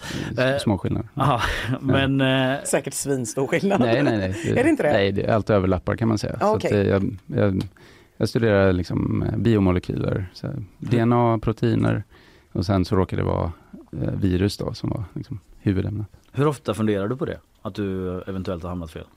Ja, just den frasen är ju något som Mikael tvingar mig till att läsa in. Så att, eh, jag tycker jag har hamnat väldigt rätt. Ja för jag menar många skulle ju säkert uppfatta dig som att du har hamnat på rätt plats utifrån liksom. Det går eh, ganska bra med din Ja, men musikkarriär. Nej, men ingången är liksom att, att göra gott i världen, att förändra världen och då liksom, okej, där sitter jag och plinkar gitarr och så försöker prata vetenskap i, i olika intervjusammanhang när folk bara vill liksom Åh, hur tänkte du när du tog ut Heartbeat? ja, är den bästa akustiken du har. Ja, ja. Ja. Men eh, sörjer du det? Att du inte f- fullföljde din akademiska karriär? Nej, nej det gör jag inte. Det gör du inte? jag tänker att eh, världen är ju full av eh, väldigt smarta människor och eh, jag var själv, apropå långsam, så var jag faktiskt lite långsam på labb också. så att, eh, Okej. det var liksom inte på väg mot någon Nobelpris direkt och inte ens en eh, publicerad artikel. Så det, var, det var väldigt skönt faktiskt. Men jag gillar tanken på att folk som är i labb är noggranna och långsamma. Jag vet inte, jag vill inte att de ska Ja, spotta absolut. ur Det- sig det- det- rapporter det hade- det- i det hade- tempo. det, det hade kunnat gå bra såklart. Men, eh, men eh, ja, vad ska man säga, det, det, var, det var väldigt skönt då att växla om då till musik. Och jag tycker fortfarande att det är skönt. Och jag, det, om, om jag saknar något så är det ju självklart det här att vara i ett sammanhang där, där folk vet mycket om olika saker. Och att liksom, att, eh, det, det gör de ju nu med när jag är ute på turnéer fast Mm. på en annan nivå. Det är liksom, Inte de här Eh, tyskarna i publiken då? Nej, Eh. Om man tar till humor i alla fall. Ja. Ja, men, men, jag, jag gillar att prata akustik och Ja, frekvenser och ja. det, det, det var det jag tänkte säga att Ja, mina, de jag reser med de är väldigt bra på Mm. de grejerna. Just det, men om man då, om vi tar oss till det där med kärnkraften för att eh, även om du lämnat eh, akademin bakom dig Mm, då så mm. verkar du ändå sitta och fundera en del. Eh, just hur, hur, hur kom det sig att du började, ja men du har ju läst på om kärnkraft, du har med lite papper här och grejer. Hur hamnade du på det spåret? Ehm, ja, just det. det eh, enkla svaret är väl att eh, apropå att försöka liksom, förändra världen så måste man ju veta vad liksom, de största problemen är Mm. och vart eh, de bästa lösningarna är eller vart det fattas lösningar. Och eh, det är ju uppenbart att alla har koll på klimatförändringar. Och sen finns det andra problem och det är syntetisk biologi och det är liksom ja, solstormar och eh, Mm. Eh, pratar man om att göra världen bättre så pratar man om fattigdom. Liksom. Mm. Men, eh, men just det här med, med klimat så, så är det, det är något alla tänker på och, och det är som att eh, okej, vi ska försöka lösa det och det är liksom lösa det ganska fort då. Eh, och då eh, jag tror att jag kom in, för att vara mer specifik kring Mm. kärnkraft, så kom jag in på det via Stuart Brand, tror jag. Eh, Vem är eh, Och det är en ja, miljögubbe Mm, mm. som har varit där jättelänge då och skrev eh, Whole Earth Catalog, eh, en av de här verkligen eh, vad ska man säga, förgrundsgestalterna Mm. inom eh, Han stötte du på. Ja, han hade en TED-talk där han beskrev eh, four heresies, för, fyra liksom, eh, saker som, eh, som, som är som Kätteri. Ja, kätteri. Bra, ja. jag försökte hitta ordet. I alla fall, han, han eh, förespråkade kärnkraft. Det var 2009 som han hade den TED-talken. Och då blev jag lite ställd för att jag själv hade inte tänkt så mycket på kärnkraft. Men jag var eh, jag kommer ändå från så här vänsterbakgrund och där, där är det inte så populärt med kärnkraft. Så jag Nej. blev lite ställd. Så redan innan var jag ganska för till exempel eh, genetiskt modifierade organismer. Mm. Men med kärnkraft så blev det liksom, okej, hur, hur tänker han där? Alltså, efter det så har jag liksom eh, varit ganska positivt, men, men, men det eskalerade kan man säga i, i takt med att jag blev inbjuden till, eh, till Paris eh, 2015, eh, klimattoppmötet. Mm. Och då bara som, som musiker då, men också musiker som, som eh, är med på scen och, och liksom får frågor. Mm. Och då läste jag på rejält och då, då kändes det helt uppenbart att vi behöver liksom alla slags eh, fossilfria energier eh, för att ställa om den här liksom, eh, det, vi ska göra det industriella re revolutionen gjorde, fast liksom baklänges och Ja. mycket snabbare. Ja. Ehm, och då, då kan man inte välja bort eh, liksom, vass, vassaste kniven, menar jag då. Även om det, eller vad tänker du om risken för olyckor och de, den ja, typen precis. av Så det, där kommer de här papperna. Och, Ja. För alla som bara lyssnar kan vi säga att José har med sig en liten sån eh, plastmapp Mm. med bibba Ja. med papper. Nej, ja. men det, det, det enda jag behöver nämna där är att man kan gå in på Our World in Data som så här, samlar liksom bästa kunskapen just nu och, och visualiserar data. Och där har de en graf som heter What are the safest and cleanest sources of energy? Mm. Och då, då ser man liksom att de som är kassa är, är kol, olja och gas och, och biomassa. Och sen kommer de som är bra och det är hydropower, wind, nuclear energy, solar. Mm. Och de, de är liksom på samma nivå, samma nivå av eh, hur, eh, hur säkra de är och hur rena de är. Just det. Men det är inte riktigt så folk tror. Så det, ja. Nej men det är väl att det blir väldigt ehm, eh, spektakulärt eller vad man ska säga när Mm. det blir en olycka. Ja. Typ, det sätter ju sig i folkmedvetandet Ja. på något väldigt hårt sätt. Liksom. Ja. Tror du man kan komma runt det? ja, man får väl göra spektakulära serier och filmer om hur det dör liksom tiotusentals eh, i månaden av eh, kol kanske. Mm. Mm. Ja. Och eh, fråga liksom Tyskland hur de tänkte när de stängde ner kärnkraft och satte igång kol. Vad tänker du i en svensk kontext? För där är ju liksom ett motargument att eh, det skulle ta för lång tid att liksom bygga ut kärnkraftverken Mm. och sådär och att klimatkrisen pågår ju medan vi pratar om det. Att det kanske Ja, är för långsamt just processen Precis. fram till ny kärnkraft. Ja, eh, då, då beror det på om man vill lösa problemet och gå vidare eller om man vill liksom dutta Ja. och, och köra lite lapptäcketänk. Och, eh, så att börjar man globalt så, så handlar det om att liksom ställa om, ställa om liksom petawattimmar, inte bara liksom terawattimmar, utan det, det handlar om otroliga mängder energi Mm. där, där det mesta görs med eh, kol, olja och gas. Ehm, ska, man, ska man göra det med förnybara så, eh, så är det inte det så rimligt heller så att säga. Sverige är ju ett litet land men, men som har mycket yta där man Mm. kan liksom bygga ut mycket vind. Eh, och vi har vattenkraft som kan parera för när det inte finns vind. Mm. Eh, Det är många länder som inte har vattenkraft. Eh, Så att om man tittar runt om i världen, vilka länder som ser gröna ut på den här electricity, ma- electricitymap.com Mm. där de visar hur gröna elnäten är per land, så här, timme för timme. Man, man kan också kolla på år för år. Mm. Så, så är liksom Sverige, Norge gröna, Island är grönt för de har geotermiskt. Eh, Mm. Sen har Frankrike grönt för de har kärnkraft. Sen eh, Ontario är grönt. Eh, sen finns det andra gröna länder och nästan alla de har haft geografisk tur. De hade Ja. Mm. vattenkraft liksom, och, eller geotermiskt.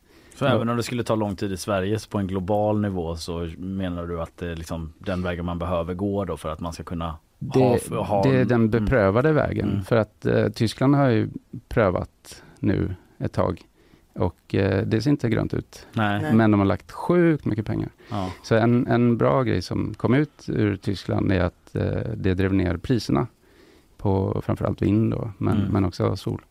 Eh, så att, och det, det är ju något man vill ska hända även med kärnkraft. Så, Mm.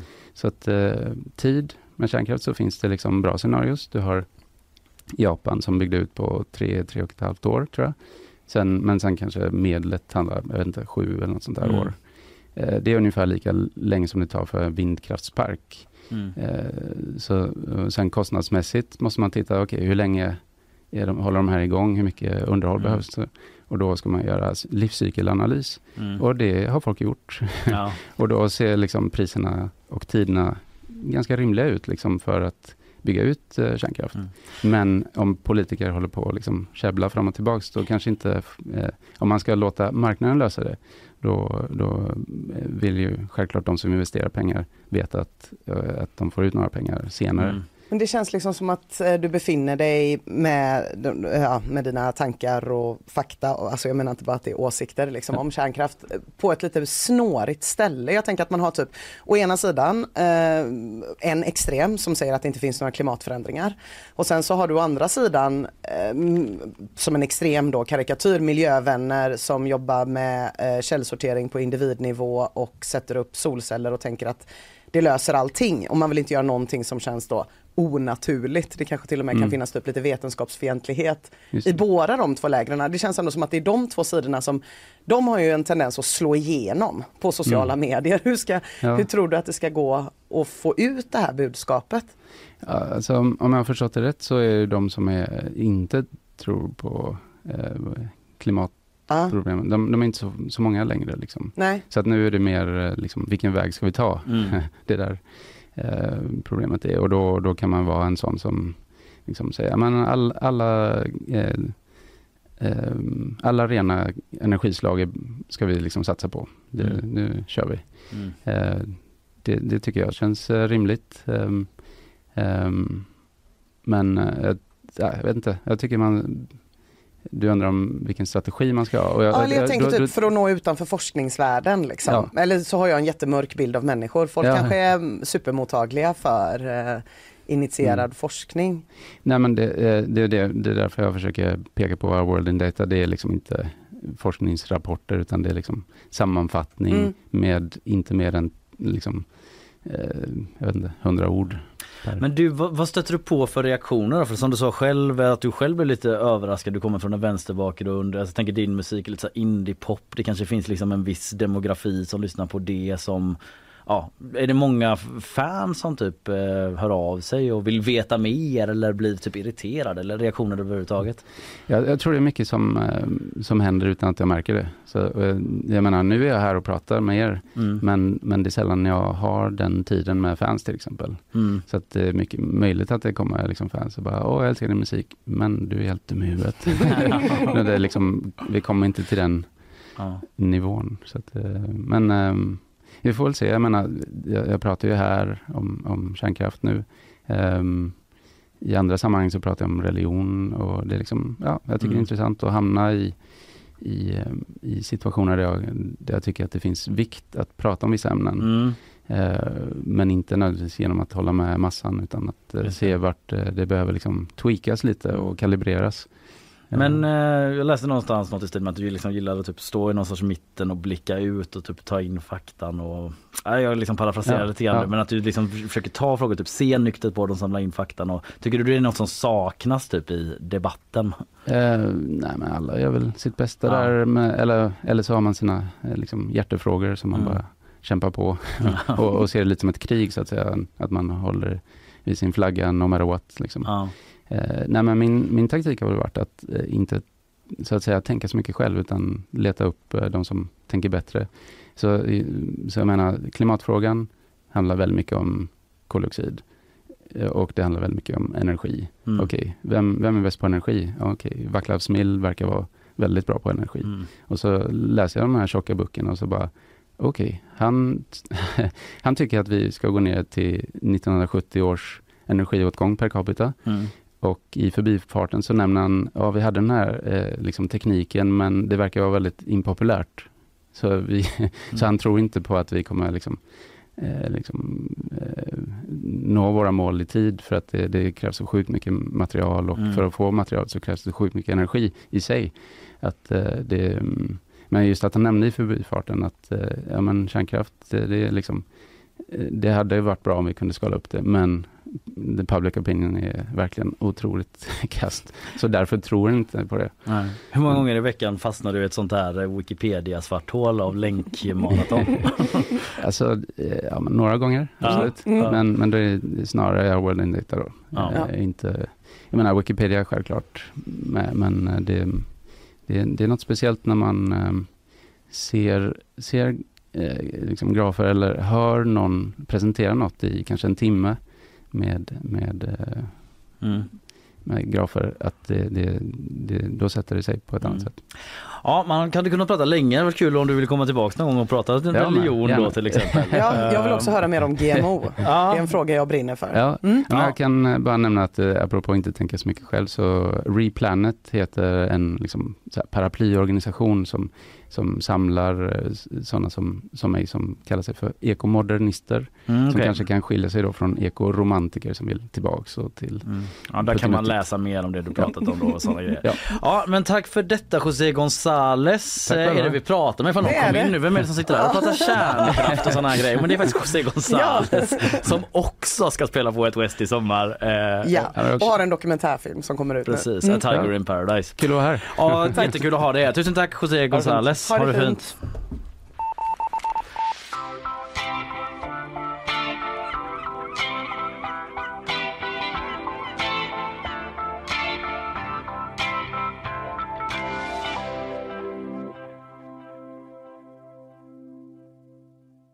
Ha det bra. Ha det bra säger vi till José González eh, och eh, försöker planera in ett snack om GMO med honom då.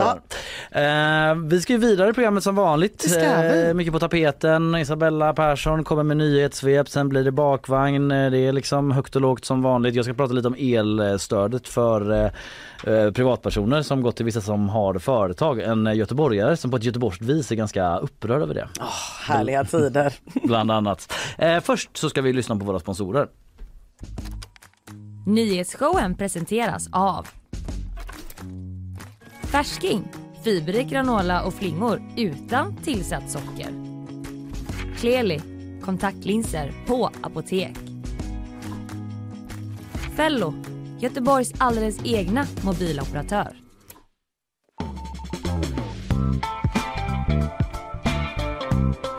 Nyhetsshowen live från GP-huset. Eh, Isabella Persson eh, på väg eh, fram. Blir du, känner du dig, om du bara kliver utanför din professionella roll som nyhetsjournalist, känner du dig starstruck av en sån som José González? Eller du kanske liksom ser honom på gatan var och varannan dag? Eller du kanske inte lyssnar så mycket på José González? Mm, mm. Hur ska jo, men jo. Ja, men man blir lite starstruck Ja, eller? ja, men eh, det blir man väl ändå. Man glömmer av det ibland när man sitter och pratar kärnkraft.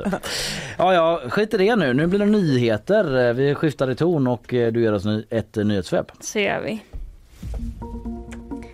Här i centrala Göteborg har vi haft mycket regn här under morgonen men ett snöoväder norrut ställer till det i trafiken.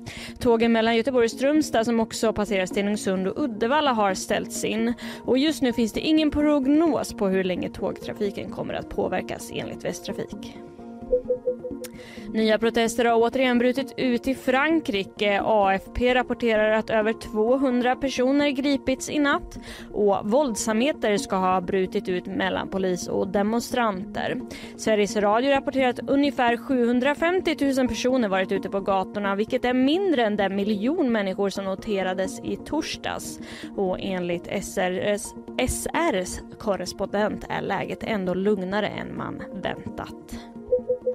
Minst 38 personer som satt frihetsberövade i ett migrantläger på gränsen eh, mellan Mexiko och USA har omkommit efter en brand. Branden bröt ut sent i måndags kväll lokal tid och ska enligt mexikanska presidenten López Obrador startats av att flera migranter tänt på madrasser i en protest. Men övervakningsfilmer ska också visa hur vakter bara lämnar lokalen när elden bryter ut utan att göra några försök att släppa ut migranterna. FNs generalsekreterare Antonio Guterres har efterlyst en grundlig utredning av branden och händelsen har också fördömts av Amnesty International. Tack så Isabella. Tack. Vi går vidare. Det Ja, blir bakvagn. Vi det blir det. hoppar raskt dit.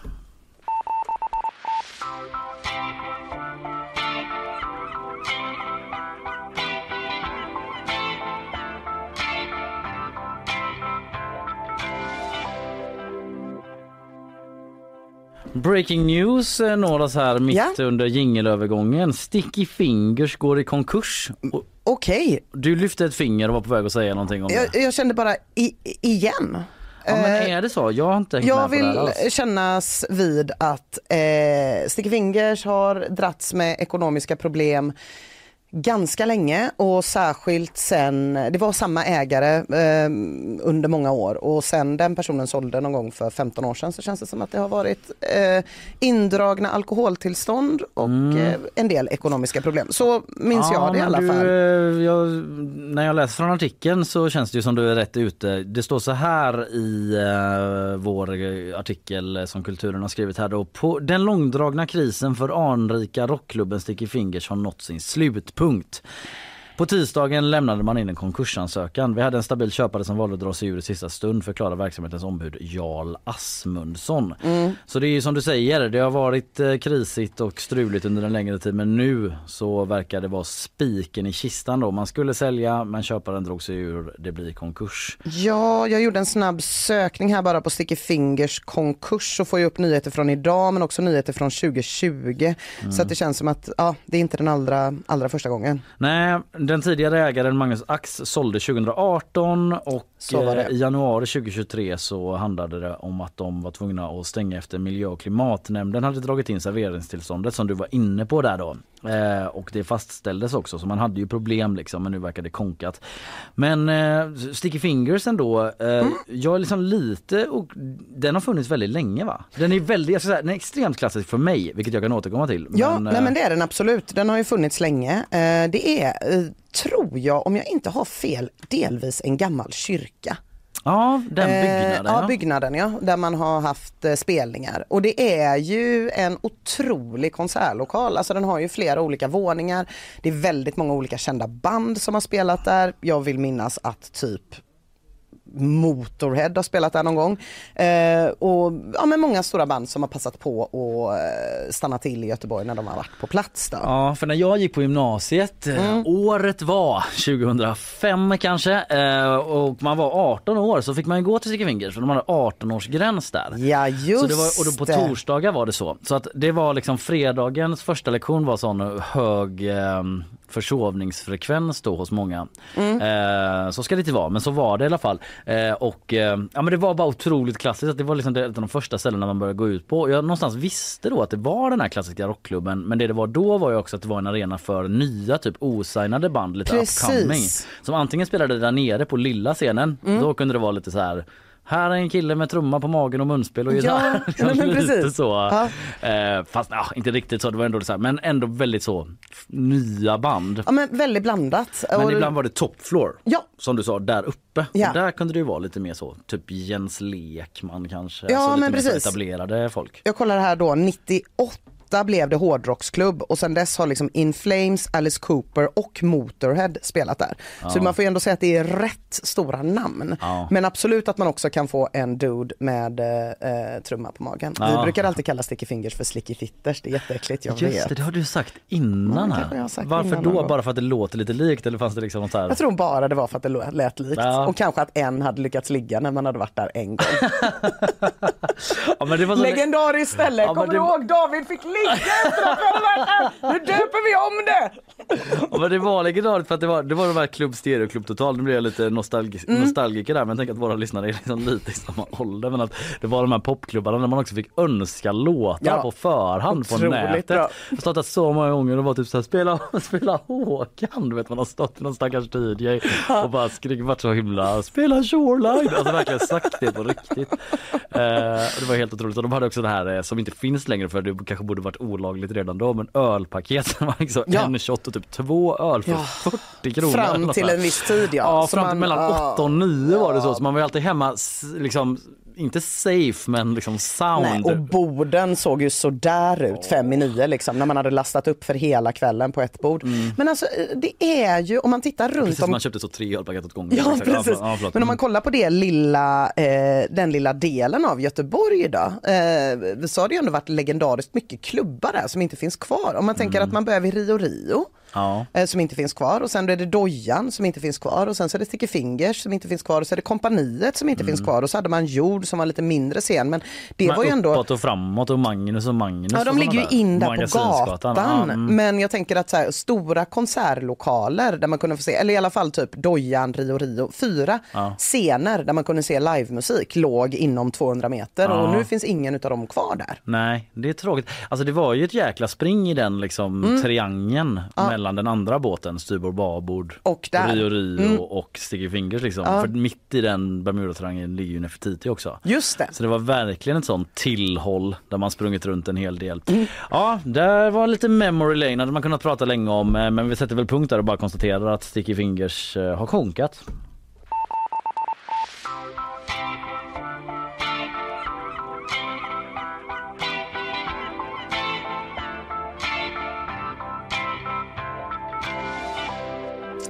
Apropå att rumla runt på fyllan och ställa till med otyg. Mm. Amsterdam, staden, inte i sig då, utan representanter som jobbar med Amsterdam, har sagt till brittiska män att hålla sig borta från stan. Inte alla brittiska män, men de som åker till Amsterdam för att festa i gäng, det vill säga exakt alla brittiska män.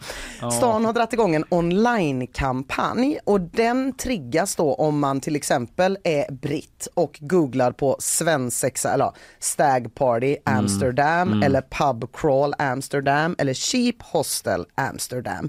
Då kan det komma upp en liten varning som säger att det är dåligt att dricka alkohol. Ja, Okej, och de bara fuck it mate, vi stannar hemma. Stannar hemma och eh, börjar med sudoku. Ja. Eh, nej, jag hör på din ton att du inte tror att det här kommer funka Kalle. Jag tycker att det, det är en ganska, dels en ganska bestämd grupp människor, britter som ska på stagparty. De har liksom ögonen, ögonen på målet och eh, kanske inte typ redo för en sån intellektuell diskussion Nej. om för och nackdelar med, Med alkohol. Nej, jag tror att du Mer kan, eh, fokus på fördelar. Jag tror, jag tror att du kan ha helt rätt. Mm. Eh, några grejer som de också ska göra i Amsterdam då som är lite mer vassa för att få eh, ner det här festandet i gäng. För att det är ingen stad som vill ha det av förklarliga skäl. Eh, Det är så jobbigt för att det är väl, eh, de måste ha så himla mycket av det. Ja, från de hela kan, världen. jag kan ju känna lite grann att jag får säga det då som kvartsholländare att Ja. de får ju också skylla sig själva en Ja. del. Det är lite som att bygga Las Vegas och säga varför kommer folk hit och spelar? typ så. Ja. varför, kommer, varför kommer det en massa unga män till Amsterdam och ligger med prostituerade och knarkar? För att det är lagligt hos er och ingen annanstans. Inte, men de, de är ju experter på att gnälla. Eh, och det får jag säga för att jag är kvartsholländare. Och det är inte så konstigt för att i Amsterdam så är det en av ganska få städer där du har fler turister än invånare under större delen av året.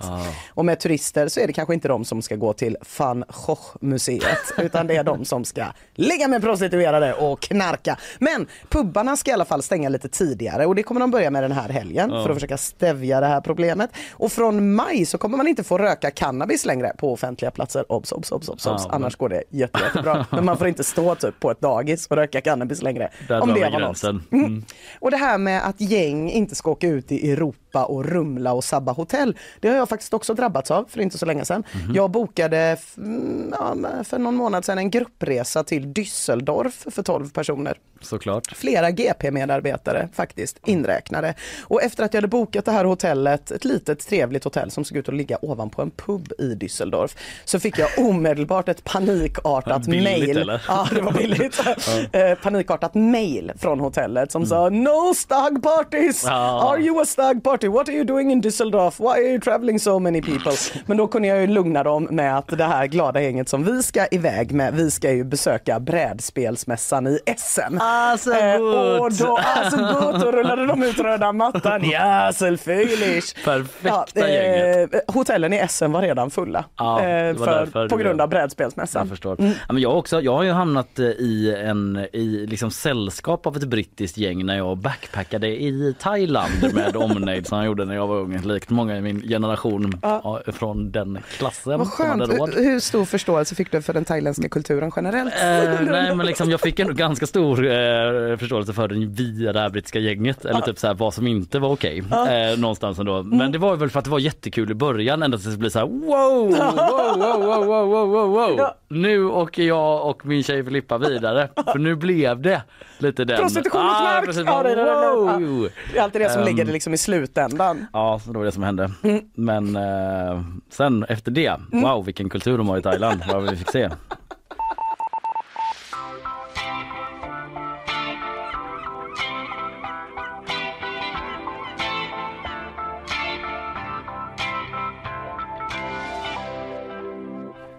Elstödet Det har ju debatterats en del, varit en del fram och tillbaka, många turer. Men en tur i det hela har ju varit en kritik mot att eh, privatpersoner fått eh, elstöd som har varit ganska högt eftersom det har även gått till eh, företagare med enskild firma. Typ bönder som kanske har en enskild firma som är själva bondgården och så får de pengar eh, baserat på liksom massa el som går till att eh, Värma upp, jag är inte från Hönorna. Ja, värma upp hönorna, de ska inte gå kalla liksom. Utan de, har du värmt upp hönorna? Ja det är klart. Men då kanske man får elstöd för det. Eh, fast egentligen ska det inte gå till företag i det läget utan till privatpersoner. Då blir det problem liksom. Och då har SVT pratat med eh, Thomas, SVT Väst är det, som inte får lämna tillbaka firmans elstöd. Han är alltså egenföretagare och har fått eh, 7000 spänn i elstöd. Men eh, han eh, tycker inte det är rätt och riktigt att han ska få det. För Nej. att eh, han har också en enskild eh, firma då, en MC-firma. Jag tror han liksom ja, säljer kanske lagade eh, motorcyklar och sådär. Eh, norr om Lerum då. Och eh, han tycker liksom inte det har gått rätt och riktigt till. De här pengarna borde inte han ha så han har försökt betala tillbaks det för att han har inte skattat på dem heller eftersom Nej, det är nej. ett stöd så. Eh, vi kan lyssna lite bara för att jag, jag vill gärna spela lite med eh, lite ljud från SVT Väst eh, just för att eh, Ja, vi lyssnar på Thomas. Man kan väl kalla det för att någon har gjort ett jävla dåligt jobb. Det är alltså amatörer som har varit igång va? Ja, han är väldigt Nej, men kritisk. Jag förstår inte varför jag frågade José González varför han bor kvar i Göteborg. Det var den sjukaste frågan jag har ställt i hela mitt liv. Jag vill bara ta tillbaka den frågan. Ja men Thomas är väldigt kritisk till amatörer det är frågan om och då talar han alltså om regeringen. Tänk dig att det finns människor som bor i städer där man inte hör sånt här på spårvagnen. Hur fan klarar ni? Okej, förlåt. Ja men liksom vad de missar. Ja, Typ. vad de är det missar. ett liv? Ja, Är det ett är det liv? ett liv? Vi kan höra hur Thomas summerar vad som skett här då och vad han försökte göra åt det. Fakta nummer ett är att jag har fått ett elstöd utbetalt på så att säga min företagsel. Och det är ju med andra ord fel. Och då tänkte jag så här, då ringer jag till Försäkringskassan och ber dem ta tillbaka det. Men det kan de inte göra. Och nu har jag ju fått pengarna utbetalda, oskattade. Så att i, van, i vanligt folks mun så kallar man det för svartpengar. Svartpengar ja. Alltså- I vanlig folks mun. Thomas, v- var är du? Varför är du inte en större del av mitt liv? Norr om Lerum. Norr om Lerum. Alltså att han, när han säger ordet företag, han har ju företag själv, Ja. men han spottar fram det med förakt. Företagsel. Alltså han vill inte ta ordet i sin mun trots att han är företagare. Thomas, din stjärna. På ett principiellt plan är han emot det trots att han lever med det. Vi Företagsel. gissar. Nej, men en jävla god eh, Göteborgsdialekt Mm. eh, får man säga i alla fall. Och Han är väldigt kritisk eh, till detta och eh, eftersom han är, eh, gissar jag, jag känner ju honom inte då, men liksom den gamla skolans göteborgare, eller västsvensk i alla fall då, Mm. norr om Lerum, så avslutar han hela inslaget med SVT Väst med en eh, liten anekdot eh, från Volvo. Alltså då när jag var grabb så hade man så på Volvo och, där, och även på varven att om någon kille inte riktigt klarar av jobbet för tillfället då hade man ett uttryck för det att nu har Kalle dansat färdigt nere vid svarven. Det innebar det att vi, han fick inte sparken, han fick ju ett annat jobb. Jag kan inte svara på om hon är babouche. Eh, vad hon ska, jag tycker nog att det är färdigdansat för henne om det är hon som ansvarar för detta. Va? Väldigt kritisk mot Ebba Busch. Nej fan vad man älskar honom alltså nu Varvet, aside varvet från eh, åsikterna så där jag förhåller mig neutral så eh, är det svårt att inte eh, mysa lite till en sån riktig inre hamnen eh, Ja, ja, ja. Nej, men det här är, jag, jag ryser. Ja. Eh, vi har inte, jag ser inte att eh, Ebba Busch har fått möjligheten att svara. eh, svara på Thomas Men kritik. vart swishar man för att se debatten? Ja eller hur, jag kan vet vi inte. crowdfunda? Kan vi få ihop eh, någon sån, boka, jag vet inte, Musikens hus och se om vi kan få dit Ebba Busch och eh, Thomas. Busch. Jag får säga Busch.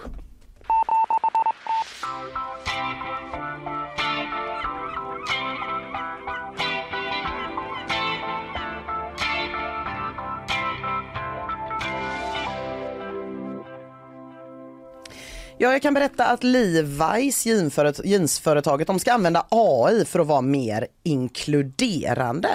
Eh, I veckan har de. Mot, berättat då... eh, robotar? Nej, inte mot robotar utan mot människor som inte bara är vita. Mm, de har börjat samarbeta med AI-studion Lalaland och de gör AI-genererade modeller, alltså människomodeller som visar kläder. Är du med på vad jag menar för Ja, modell då? jag är med. Eh, Levi's hoppas då att detta ska citat increase the, increase the number and diversity of our models for our products in a sustainable way. Jag förstår inte riktigt vad det är de menar med att det skulle vara osustainable att ha riktiga modeller som har en lite bredare representation. Men det är något osustainable med det. Kanske inte sustainable för de tusentals modeller som jobbar med att fota kläder för hemsidor. Det här att det ska bli AI istället. eh, för det var ju inte omöjligt att fota annat än vita till sin hemsida Nej, innan. "Åh, AI. hur ska vi göra så att de ska liv? Det är ju bara en massa vita tjejer med pinsmala och grejer. Alla som kom när vi sa hej, de var det. Alla när vi ringde våra kompisar var vita. Vi får inte retuschera heller säger de. Nej, det får man inte för det kan ju gå fel det här Mm. när man ska vara inkluderande utan att på riktigt vara inkluderande. I augusti signade Capitol Records en AI-genererad rappare, FN Mecca, som fick sparken väldigt kort efter att han hade signats eftersom att han då spred grova stereotyper om svarta personer. Klassiskt AI har alltid hamnat där. Klassiskt. AI. Och ibland behövs inte AI utan det duger gott med människor. Eh, som du kanske tänkte på här var att den svenska ljudbokstjänsten YouBookbeat Mm. klantade till det rejält för exakt ett år sedan när de hade en kampanj i Stockholms tunnelbana på en hand som håller en telefon med Bookbeat på då. Och handen ser ut att tillhöra en svart person eh, för att man precis som Levi's vill vara inkluderande Mm. yet sustainable. Eh, problemet var att uppenbarligen ingen på Bookbeats PR-avdelning var svart eller kände en svart person för då vet man ju att man har inte pigment på handflatan. Nej, eh, handflatan ser inte ut på, hela, nej. på, sam, på, på, på, likadant på båda sidor. Och på den tiden sa då Bookbeats vd Niklas Sandin till DN, vi kommer inte använda den handen i kommande kampanjer. Nej, eh, det verkar bara som att man behöver ha fler än vita som beställer och inte bara kan säga till en AI och gå loss utan Nej. att man kanske får se till att ha lite mer inkluderande på kontoret generellt för att inte hamna i såna här tråkigheter. Då. Ja, får se vart det tar vägen då med Levi's AI. Ja, Eh, vi, eh, vart vi tar vägen? Ja men det är ju ut genom studiodörren. rätt till kaffemaskinen Rätt Kalle. i kaffemaskinen. Eh, Men innan vi tar oss dit så vill jag bara sammanfatta lite vad vi har pratat om idag. Jag har tagit vända två här i Janne Andersson och Bojan Djordjic bråket. Det var ju presskonferens igår när Janne liksom försökte förklara lite varför det slog slint för honom som han sa och sen eh, var Bojan ute också och kunde förlåta men inte glömma. Nej. Vi får väl se vad de landar i. De har inte fått till det där mötet ännu som åtminstone Janne Andersson vill ha. Sen snackade du om... eh, Polarpriset, vinnarna som utsågs igår, Angelique Kidjo, Chris Blackwell, Arvo Pärt och en hel del om bakgrunden. Vi fick höra en rare ABBA-singel bland annat. Mm, lite rare också att eh, José González var här och pratade om kärnkraft länge och väl och eh, också då den nya dokumentären eh, Tiger in Paradise om honom som kommer snart och han ska ju spela på Out West och sådär. Så det var en väldigt trevlig stund med honom måste jag säga. Intressant. Eh, sen ska jag också berätta att eh, imorgon så har vi faktiskt vikarier här i programmet. Wow! För att hela redaktionen Utom du Ina. Ja, utom jag. Men du har så mycket för dig. Du har så mycket att stå i. Eh, vi ska åka till Stockholm för det är gala. Eh, årets dagstidning där vi är nominerade till eh, bästa ljud. Det är mäktigt. Grattis till oss. Vi Ja. går upp där mot två andra kandidater och kan eh, ja, ta, ta, ta hem det eventuellt. Vi får väl se. Men då är det Karin och Andreas som kommer hit och eh, håller er sällskap imorgon bitti. Helt enkelt så inte alla får liksom så, du vet, spruta kaffe så i nacken på den framför på vagnen när det är Nej. helt nya röster. Nej. Eh, så det är ni förberedda på nu. Skyll inte på oss om Nej. ni blir stämda för Gör inte sveda det. Värk i nacken. Okej, eh, tack så länge. Tack! Hej. Hej hej!